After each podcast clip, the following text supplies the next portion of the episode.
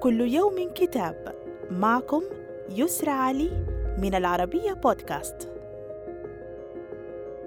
كتابنا اليوم بعنوان كتاب الراحة. للكاتب مات هيك ومن ترجمة محمد الضبع.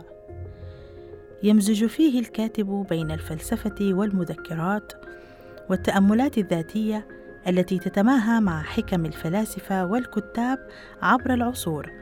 من ماركوس أوريليوس إلى نيلي بلاي وإيميلي ديكنسون إلى جيمس بالدوين.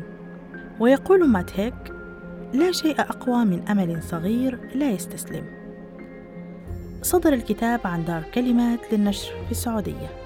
وإلى اللقاء مع كتاب جديد.